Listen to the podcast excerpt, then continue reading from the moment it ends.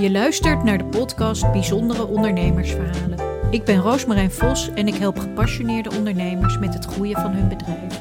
Laat je inspireren door mooie verhalen van ondernemers. Hey Jessica. Hi Roos. Ja, zo fijn om je weer te zien en uh, superleuk dat ik je mag interviewen. We kennen elkaar al best wel een tijdje. Je hebt een jaar een coachtraject bij mij gelopen echt uh, ja, heel veel besproken en nou ja, door een hele reis gegaan, samen, jij vooral. Ja. En um, ja, ik vind het heel leuk als jij je ondernemersverhaal aan, aan de luisteraars een beetje kan vertellen. Ik ga je wat vragen stellen en uh, wat ik heel bijzonder van jou vind, dat je al op je 21ste begonnen bent als ondernemer. En het afgelopen jaar een hele grote stap hebt gezet en het ondernemerschap achter je hebt gelaten. En dus eigenlijk omgekeerd van hoe ik normaal mensen interview, die willen graag voor zichzelf beginnen of die hebben een onderneming. Dus ik denk dat het voor de luisteraars ook heel mooi is om de andere kant te horen. En, ja. Ja, wat, uh, wat, hoe, nee. hoe je, was, je was 21 en je begon als ondernemer. Hoe ging dat? Wat, wat... Ja, ik, ik, ik weet niet hoe dat dan ineens ontstaat, maar ik ben altijd uh, van de mogelijkheden. Um, ik kwam van mijn opleiding af en eigenlijk was de boodschap het afgelopen jaar: uh, er zijn geen banen, er zijn geen banen. En uh, ik had mijn studie afgerond, ik had er hard voor gewerkt, want ik ehm, ben meer een praktijkpersoon. Dus ik vind leren leuk als het efficiënt is.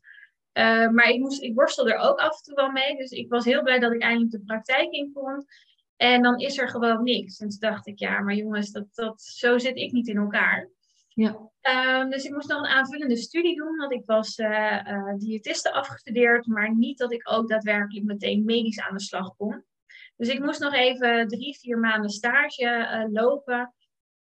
dat deed ik. En toen kon ik eigenlijk een beetje blijven plakken bij die stageplek. maar dat was voor twee dagen in de week. En ja, je was 21. Ik dacht, ja, dat moet met mijn andere tijd.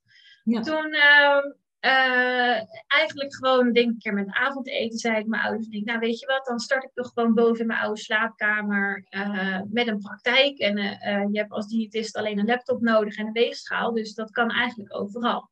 Ja. Um, en voordat ik het weet, ik denk een week later, zat ik dus met mijn eerste cliënt voor mijn neus. En was dat dus op de zolderkamer bij mijn ouders. En um, ja, dan krijg je één patiënt en die komt dan elke twee weken. Dan komt er eentje bij. En op een gegeven moment merkte ik toch dat ik best wel uh, privé vond worden. Want het zijn wel mensen die in je huis komen. En um, dus eigenlijk, ik denk na een maand ben ik al alle uh, praktijken bij huisartsen en fysio's gaan mailen in mijn omgeving. Van joh, is er ergens een kamer vrij? Uh, ik ben net afgestudeerd, ik begin nu een praktijk aan huis, maar ik wil eigenlijk liever samenwerken, want ik geloof heel erg in de kracht van samen dingen opbouwen. Ja. Uh, en na een half jaar had ik een, uh, een, locatie voor mezelf. En ik denk dat na een jaar werkte ik twee volle dagen voor mezelf. En moest ik uh, bijna stoppen, omdat het gewoon zo, zo goed liep. Wow. dus het was super vet om dat in zo'n ja, sneltreinvaart eigenlijk mee te maken.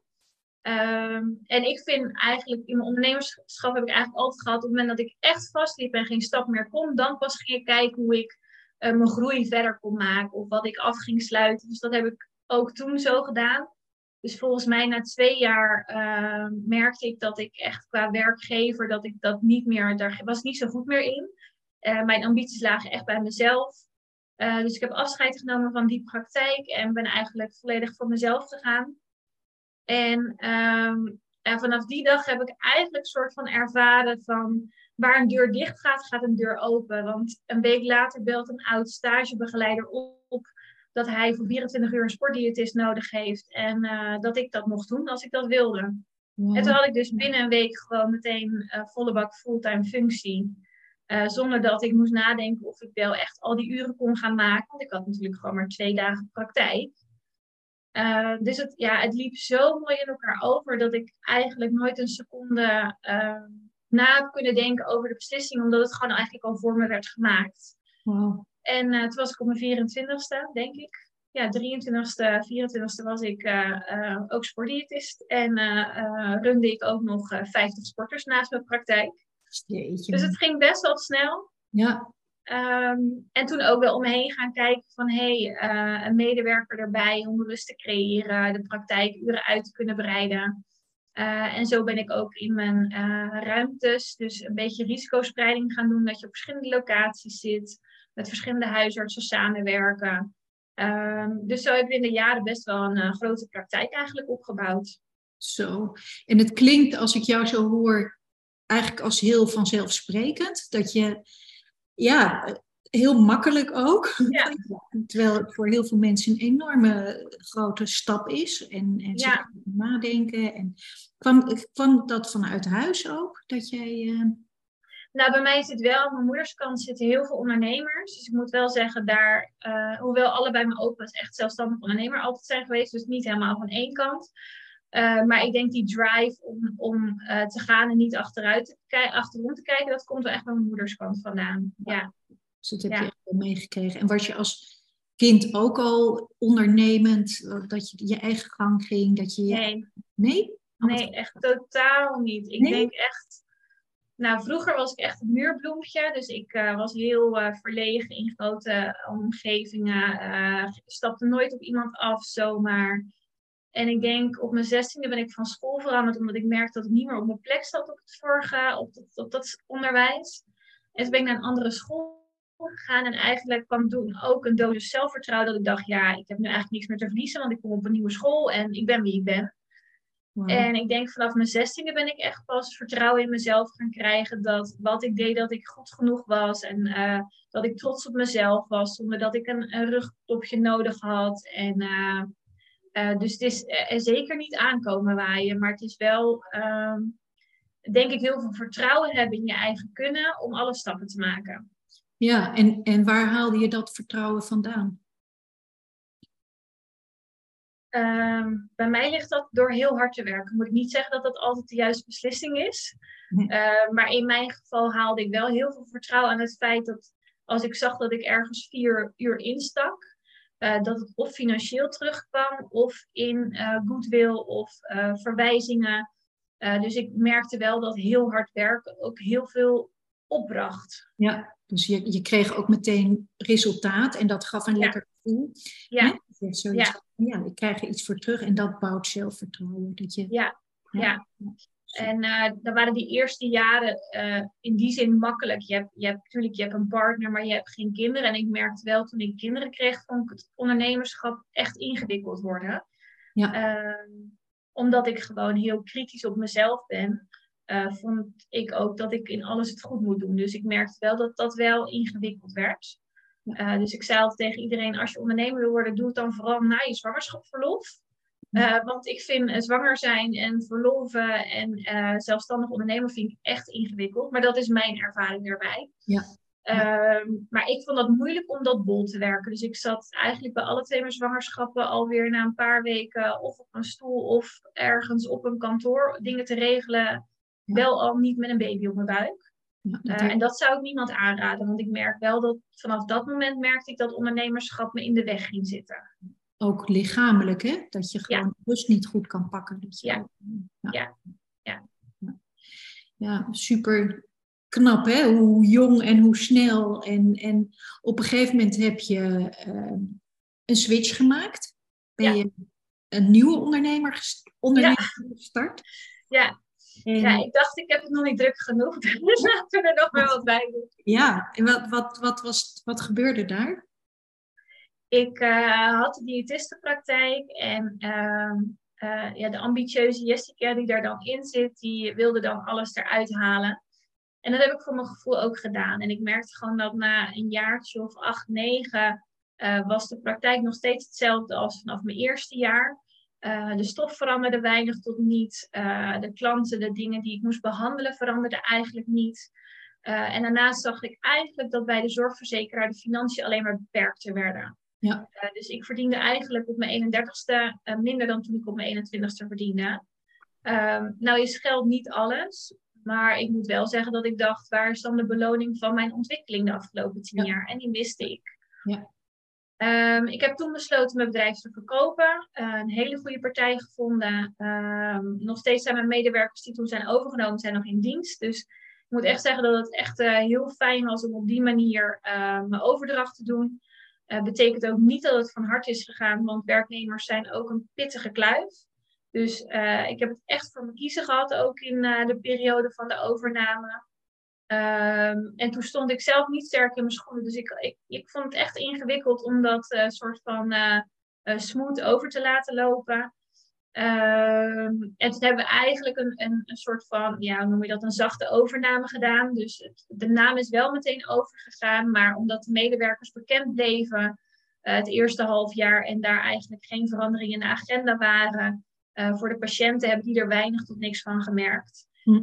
Pas in een later stadium zijn we echt veranderingen toe gaan passen. Uh, zijn ze ook praktijklocaties gaan sluiten of veranderen.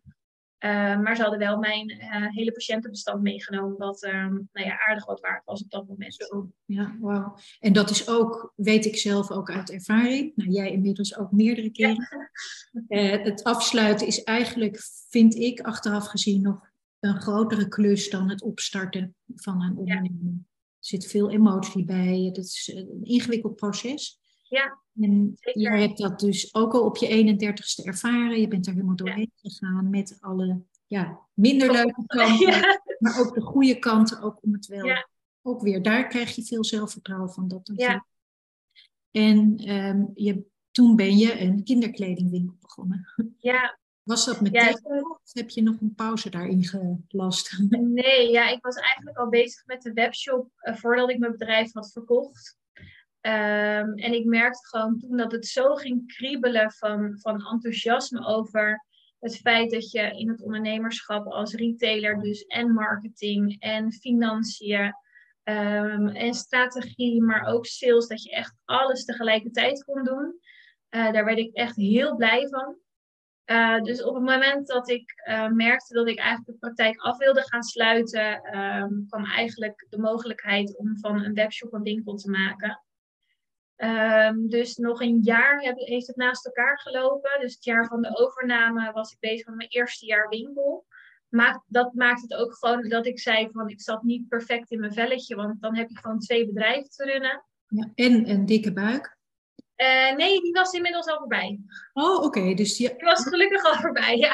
Eén of twee kinderen al, of niet? Twee. Zo. Ja. Ja, ja. dus... Um, uh, die, die winkel die, die was er toen. Um, en die, die uh, ja, was eigenlijk vanaf dag één ook gewoon heel succesvol.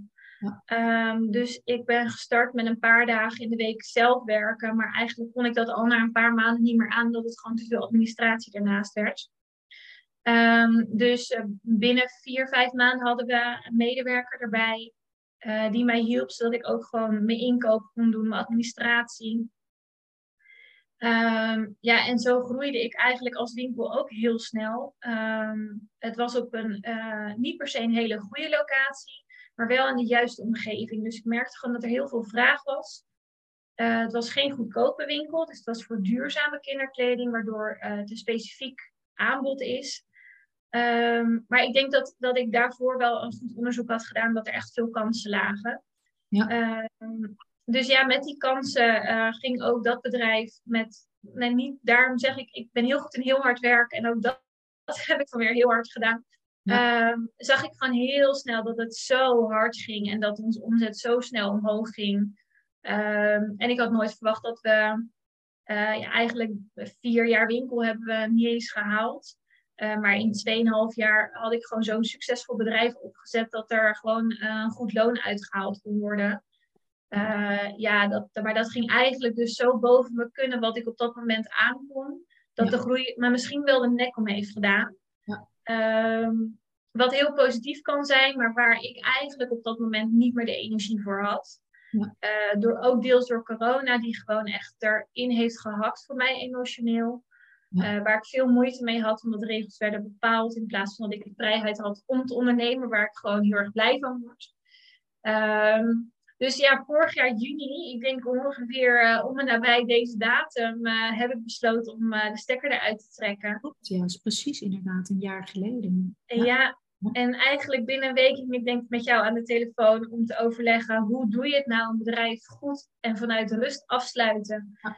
terwijl alles in je lijf zegt, ik kan letterlijk geen stap meer zetten.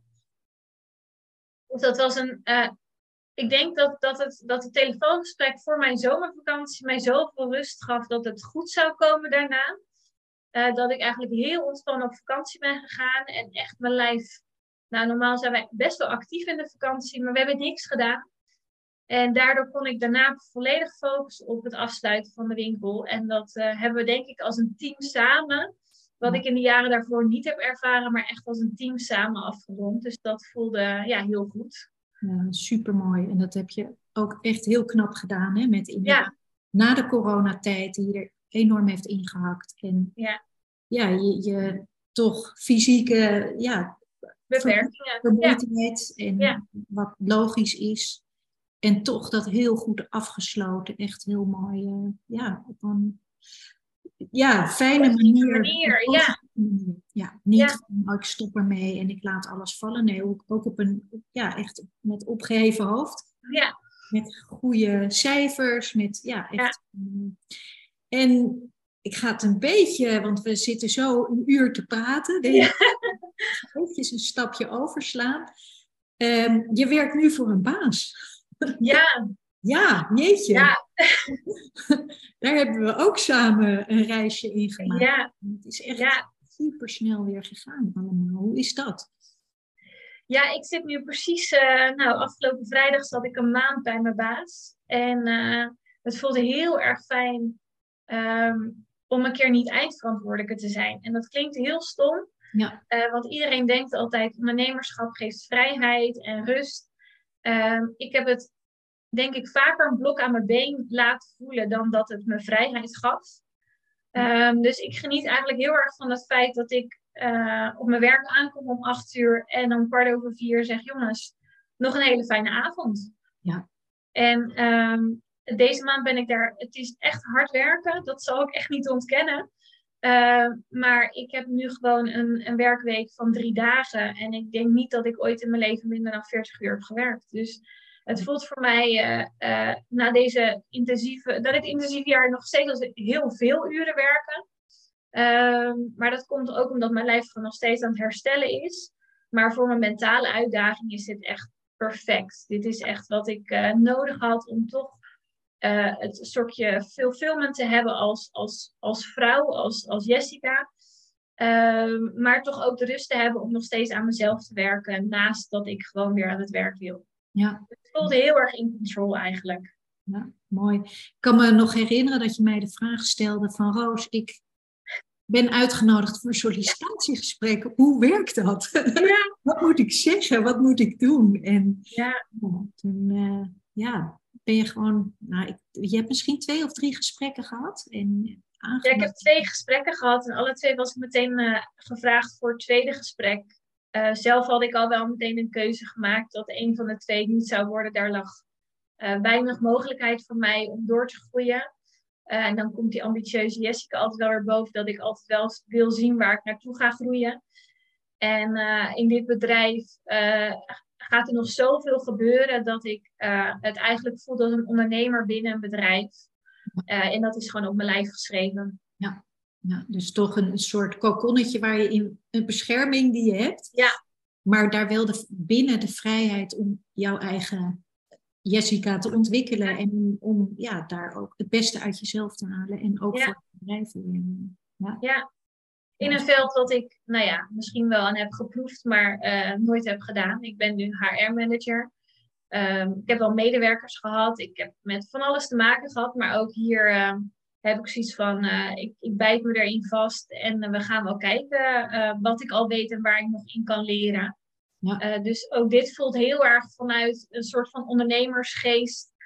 jezelf ook bij een, bij een werkgever eigenlijk weer neerzetten. En je plek vinden, kijken waar grenzen liggen, uh, maar vooral ook genieten van het proces. En dat vind ik wel heel fijn door dat nu bij een, bij een werknemer te doen in plaats van als eh, werkgever. Ja, ja en wat, wat mij altijd wel een, een mindere kant van het ondernemerschap, wat ik dat van vind, is de eenzaamheid. Hè? Dus het Ja. gewoon altijd alles zelf beslissen je hebt vrienden, je hebt een partner, je hebt mensen om mee te sparren, maar uiteindelijk komt het allemaal op jou neer. En Ja. Is dat iets wat je ook lekker vindt, dat je dat niet meer hebt, dat je dat kan delen? En... Ja, ik denk echt dat ik dat nog het meest heb gemist. En dat dat misschien ook wel de kracht is geweest van onze coaching die wij hebben gedaan samen. Eh, we hadden een, eh een coaching sessie van elke twee weken. En eigenlijk was jij gewoon elke twee weken mijn werkoverleg, als ik het zo maar moet zeggen. Eigenlijk alle ins en outs die liepen binnen het bedrijf heb ik met jou besproken. Waardoor ik echt voelde alsof er een teamwork was. En ehm, ik merkte echt eigenlijk na twee of drie van die sessies dat ik dacht, dit heb ik dus eigenlijk mijn hele leven gemist als ondernemer.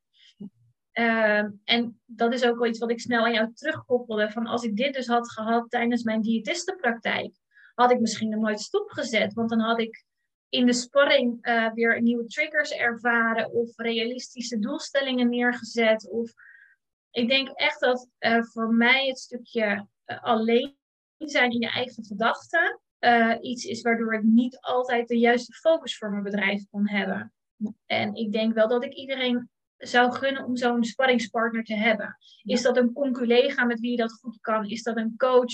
Is Ja. dat een, een ouder die ook ondernemer is, die dat voor je kan zijn? Maar ik denk wel dat je een ondernemer nodig hebt om dat te kunnen doen. Want eh, hoe lief ik mijn omgeving vind, heb ik het nooit in mijn vrienden of in mijn partner eh, op die manier kunnen krijgen. Nee, nou ja, super mooi dat je dat teruggeeft en dank je wel ook. Want, Ja. eh, ja, en dat is ook de reden ja, dat, dat ik zelf coach ben geworden, omdat Ja. ik het zelf ook gemist heb. Mhm. Je vindt ook als ondernemer dat je alles zelf moet doen. Dus dat Ja. is heel lastig om die stap te maken van ik heb hulp nodig. En dat is vaak een worsteling om die hulp te vragen. Want je, je denkt ook, oh dat kan ik ook. En, maar dan put je jezelf uit. En dat is wat vaak gebeurt. En dan is het op een gegeven moment genoeg. En dan zeg je, ik stop ermee. En dat is, kan zonde zijn of niet. Hè? Dat, is ook heel erg afhankelijk wel, welke Ja. fase je zit. Maar als je nog in de fase zit van groei, dan is het wel zonde als je door die uitputting eigenlijk de stekker eruit trekt. Nou, dat is het ook. En ik denk wel dat als ik lichamelijk niet zo, ehm, eh, hoe zeg je dat netjes? Eh, lichamelijk was ik op vorig jaar. En ik denk wel dat als ik, als ik dat dieptepunt niet had gehad, had ik denk ik nog gewoon in de business gezeten. Eh, want het bedrijf ging zo goed. En letterlijk, we zijn dicht moeten gaan aan het einde omdat we uitverkocht waren. Ehm, dus ik, ik heb, kijk echt met een heel positief gevoel terug op de coaching. Maar ik denk dat als ik hem eerder had gehad, had ik nog een eigen bedrijf gehad. Ja. Ehm, en je gaat niet zomaar iets opzetten om zes jaar later te zeggen, oh laat maar. Of eh, de diëtistpraktijk dan na tien jaar. Dat zijn niet de ambities die ik voor mezelf had. Nee. Eh, ik zou niet zeggen dat ik het anders zou doen, want ik ben nog elke dag heel blij met de keuzes die ik heb gemaakt. Eh, maar ik denk wel dat ik in de tussentijd andere beslissingen had genomen. Het kan anders. Ja, En dat is iets wat je natuurlijk pas als je terugkijkt, je realiseert. Ja. Maar het loopt zoals het loopt. Hè? Ja. Het is ook niet voor niks. En ehm, het, wa- als jij nu opnieuw zou beginnen, hè, of als je nu jezelf toe zou spreken als 21-jarige, wat, wat zou je dan tegen jouzelf als 21-jarige zeggen?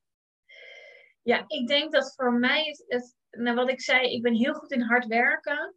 Eh, en ik merk, ik, ik heb nu het afgelopen jaar heel erg geleerd ook hoe ik weer op kan laden.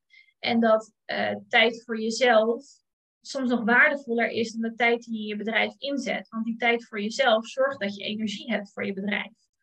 Eh, en ik denk dat ik daar compleet mezelf voorbij in ben gegaan. Dus ik denk wel dat als ik nu alles weer opnieuw zou doen, of, of weer 21 zou zijn met, die, met dat eerste bedrijf, dat ik wel zou zeggen: eh, het komt goed. Ja. Pak je rust en eh, een maandje vakantie, dat kan gewoon. Ja. Ehm, en dat zijn de dingen die ik mezelf nooit heb gegund. Nee. En dat is misschien dat stukje vrijheid wat ik heb gemist. Eh, omdat ik zo bezig was met, met nog meer uit mezelf, nog meer uit mijn bedrijf halen. Terwijl soms is stabiliteit ook echt heel mooi. Ja. En dat mag gewoon een jaar of twee jaar duren. Ehm, maar die rust heb ik nooit gehad. Ja, dat herinner ik me ook. Die vakanties, hè, daar hadden we het net over. Je hebt nu Ja. je eerste vakantie zonder eigen bedrijf op de achtergrond. Dat Ja. is- ja, natuurlijk echt fantastisch dat je dat nu helemaal echt kan gaan genieten zonder dat Ja. in je hoofd te hebben. Van, Ja. Met de omzet, gaat het wel goed? Is er geen personeel ziek? Ehm, noem maar op. Werkt Dus, dit? Ja. honderdduizend dingen. Ja. Ja. Dat is ook een kwestie hè, van terugkijken van die controle houden en dat perfectionisme, Ja. wat we Ja. ook allemaal hebben, wat jij ook Ja. net al noemde, dat houdt natuurlijk ook je vrijheid tegen. Ja. Je hebt ook zoiets van, ja, ik moet het allemaal zelf doen. Ik moet. Ja. En het kan nog beter en het kan nog meer. En, ja, en dat, dat is ook ja, pittig. Ja, en Maar- soms hoeft het ook niet allemaal eh, goed te gaan. Mag je ook van eerlijk zeggen, jongens, ik weet het niet of ik kan het even niet of eh, deze week ben ik gewoon even niet beschikbaar. Ehm, en ik denk eigenlijk dat ik dat het afgelopen half jaar pas heb geleerd. dat ook gewoon, eh wij hadden toen een gesprek dat ik zei van, eh, ja maar dan moeten we die dag open, die dag open en oh ik heb voor die dag geen medewerkers. Toen zei je, ja, maar je kan ook een dagje dicht. Toen dacht ik, oh, je bent aan het vloeken in de kerk of zo. En, en uiteindelijk merkte ik twee dagen later dat ik zei, Roos, dit was gewoon een, een eye-opener. We kunnen gewoon dicht met de winkel, want dat, dat mag. Ja. dat, dat waren voor mij echt momenten dat ik dacht, wat, eh, wat een vrijheid voelt het eigenlijk om dit gewoon ook te kunnen zeggen en vol vertrouwen uit te dragen naar mijn klanten. En eh, ja, ik denk echt dat ik in het laatste half jaar het meeste heb geleerd. Wauw. Ja. ja, bijzonder. Hey, en dat is best wel een lastige en een grote vraag, maar ja, die kan jij vast wel beantwoorden. Wat betekent succes voor jou? Oeh. Ja, ik zit nu letterlijk ook te kijken. Ik heb hier een, eh, een eh, moodboard staan met hoe eigenlijk mijn perfecte eh, eh, leven of dag eruit ziet. En ik denk dat ik. eh,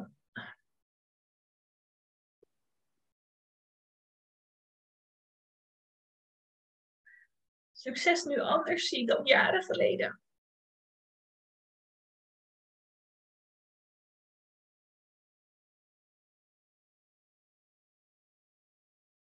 Succes is nu ehm, fijn werken en tijd met je gezin doorbrengen. Ja. En succes was voor mij goede omzet. Eigenlijk altijd nog net een paar duizend euro te weinig. Ehm, heel hard hebben gewerkt en op zondag plat op de bank bijkomen, omdat je wist dat je heel hard had gewerkt voor je bedrijf die week. En ehm, eigenlijk is dat succes niet sustainable, want eh, het geeft je eigenlijk niks. Het geeft je hele highs en hele lows.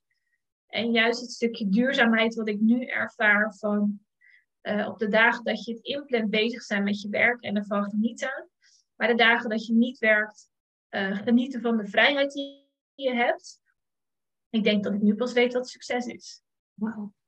En dan hoor ik je zeggen pas, hè? En je bent 34, 35. 35 jaar. Ik denk dat de meeste mensen dit, zich dit beseffen. Ja. Klinkt heel, heel cru, maar op hun sterfbed. Ja, ja, ja misschien is ook wel. Ja. Nee, ik heb, ik heb daarin geleerd dat eh, eigenlijk succes dus niks te maken heeft met financiën of omzet of, of targets. eh, maar met het geluk wat je uit je, je, je werkweek haalt en uit je, eh, je mooie moment die week. En niet eh, alleen maar om, om werken gaat. En dat was het wel altijd voor mij. Super mooi. Ik krijg kippenvel van. Ja, het is zo oprecht en zo wat, wat waar veel mensen mee aan het strukkelen zijn. En veel ondernemers ook. Hè? Dat, dat eh, altijd maar werken, werken, werken en meer, meer, meer. En het, Ja.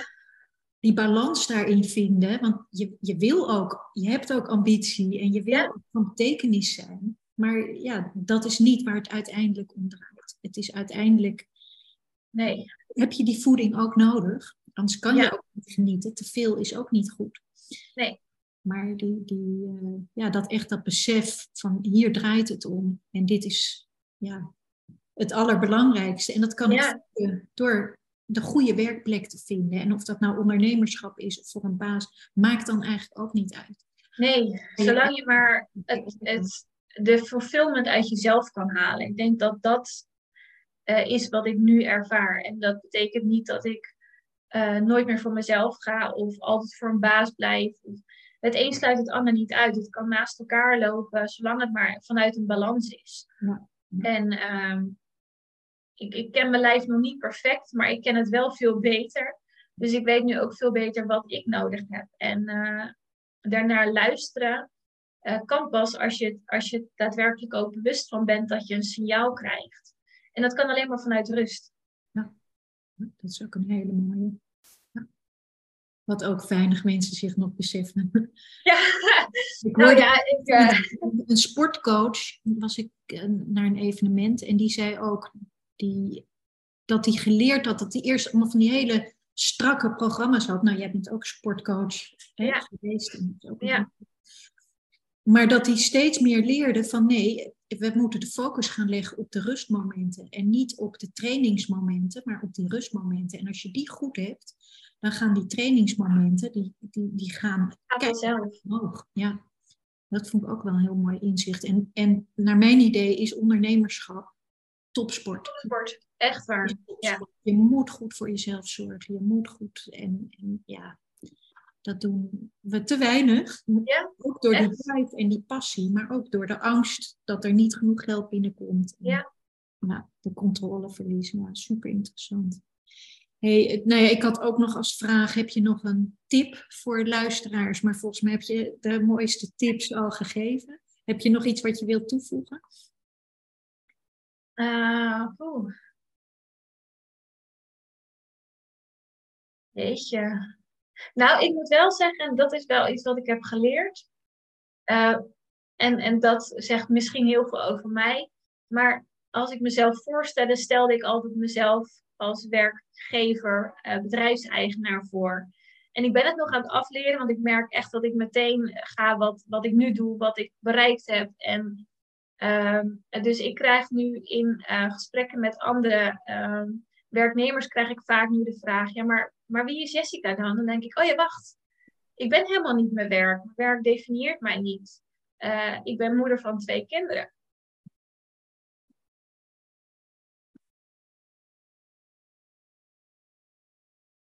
En uh, ook dat ben je. Ja. Je bent ook ja, je bent ook iemand anders dan alleen maar je werk. En uh, ik ben ook een ambitieuze sporter. Ik ben ook een yogi, weet je wel. Er zijn zoveel meer dingen die ik ben. En eigenlijk uh, omarm ik die identiteit nu pas. Ja.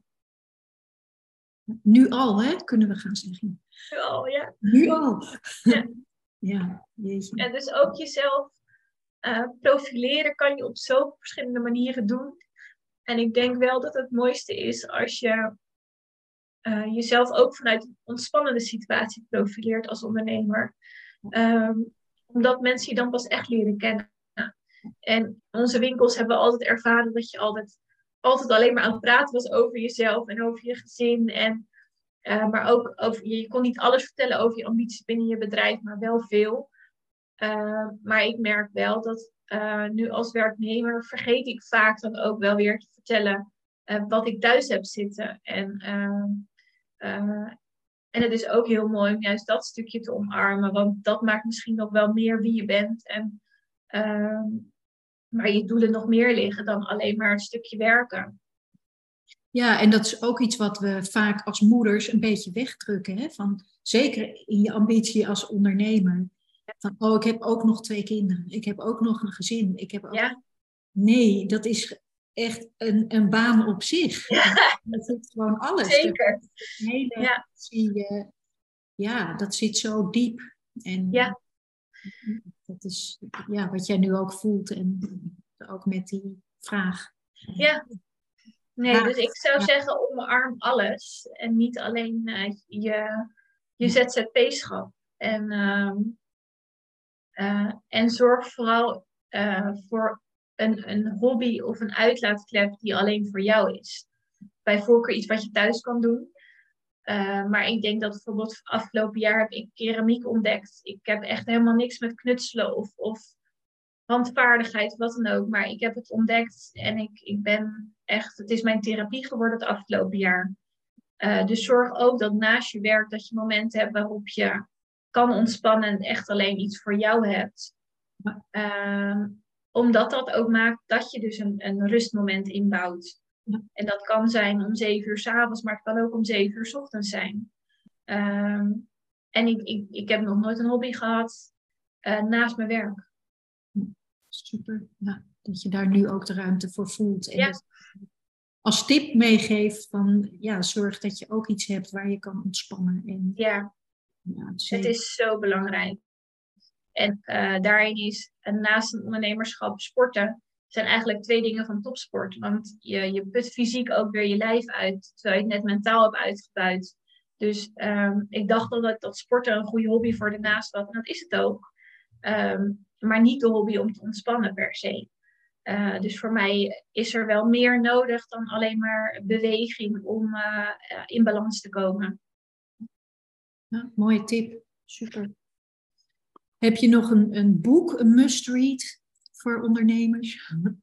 Of oh. het leven? um, ja, ik heb er wel een paar. Um, maar dat komt denk ik ook omdat het dingen zijn waar ik heel erg naar op zoek ben geweest het afgelopen jaar. Uh, ik heb het stukje human design ontdekt. Um, het is nog een beetje in, in ja, kinderschoenen in Nederland, maar het, het zegt heel veel over uh, wat voor persoon je bent eigenlijk vanuit je uh, geboorteplek. bij mij klopt het echt nou, van top tot teen en ik, heb er, ik leer er echt van om mezelf meer te omarmen zoals ik ben. Dus ik vind dat een hele mooie. De fontein ben ik ook heel blij mee. Um, geeft mooi inzicht om te kijken waar je energie eigenlijk vandaan komt. Uh, vanuit welke um, nou ja, fontein komt dus jouw energie. En sta je dus niet zelf misschien in de verkeerde fontein. Uh, dat je bijvoorbeeld boven iemand in de hiërarchie staat die eigenlijk jou een energiegever zou moeten zijn. Um, en daarnaast vond ik ook uh, maar ik moet zeggen dat het wel de, de eerste podcast van Arie Boomsma, die hebben me ook heel erg geholpen. Vond ik een hele fijne materie om. Hij legt in. Nee, ik, ik vind zijn nieuwere podcast wat soms een beetje te, te hippie-achtig, te Amsterdams. maar ik moet zeggen, zijn, zijn allereerste begin vind ik heel inspirerend. Het gaat echt terug naar de basis van wat hebben we nodig, een ademcoach wees ook gewoon wie je bent, omarm jezelf. Dus daar had ik ook echt heel veel aan. En um, hoe heet onze Amerikaanse psycholoog? Renee Brown. Renee Brown. Ja, dat is, ja, dat, dat, is, dat is echt een must-read. Daar kan ik nooit meer omheen. Mm, dat is fantastisch. Ja. ja. ik denk dat dat mijn, uh, uh, mijn boeken qua eye-openers ook zijn geweest het afgelopen jaar. Mooi lijstje. Ja, toch? Ja, ja zeker. En ik weet het wel Het zijn gewoon hele mooie. Ja. We gaan een beetje afronden. Heb jij nog iets ja, normaal vraag ik aan ondernemers, waar kan ik je vinden? En dat, hoeft niet, hè? Of nee. wel je bedrijf, want dat is ook leuk. Waar werk je nu? En ja. gaan groeien en op zoek naar mensen, misschien dat luisteraars ook. Oh, zeker. Ja, ik, um, uh, ik ben werkzaam dan nu bij Vloed. Uh, Fruit levert werk op, uh, fruit op de werkvloer. Uh, daarin doe ik dus het stukje recruitment, maar ook HR-management. Um, we, we, zijn van een start-up nu in een, een stukje skill-up gekomen. Dus we zijn echt mega aan het groeien. bezig met overnames. Um, en we hebben gewoon een landelijke dekking. Dus we zitten gewoon bij de top 5 van Nederlandse bedrijven die fruit leveren op het werk. Ja, het is echt heel tof. Uh, dus ik zit ook weer in zo'n heel mooi niche van het vak eigenlijk.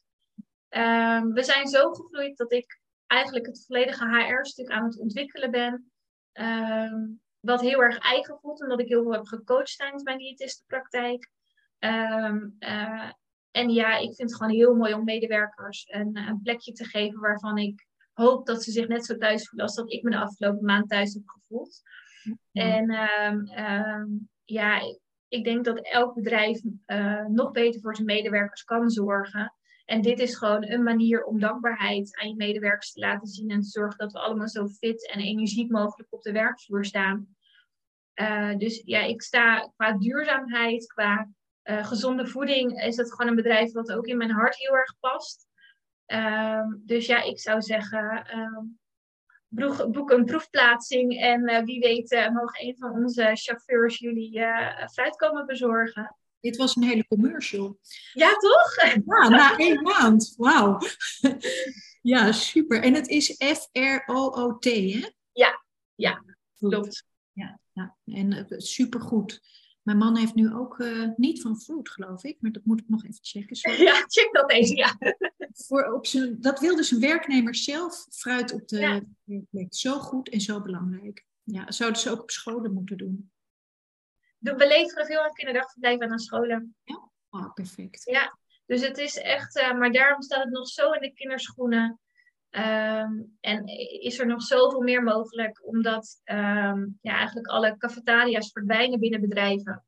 Um, en daarmee, omdat het gewoon te duur wordt.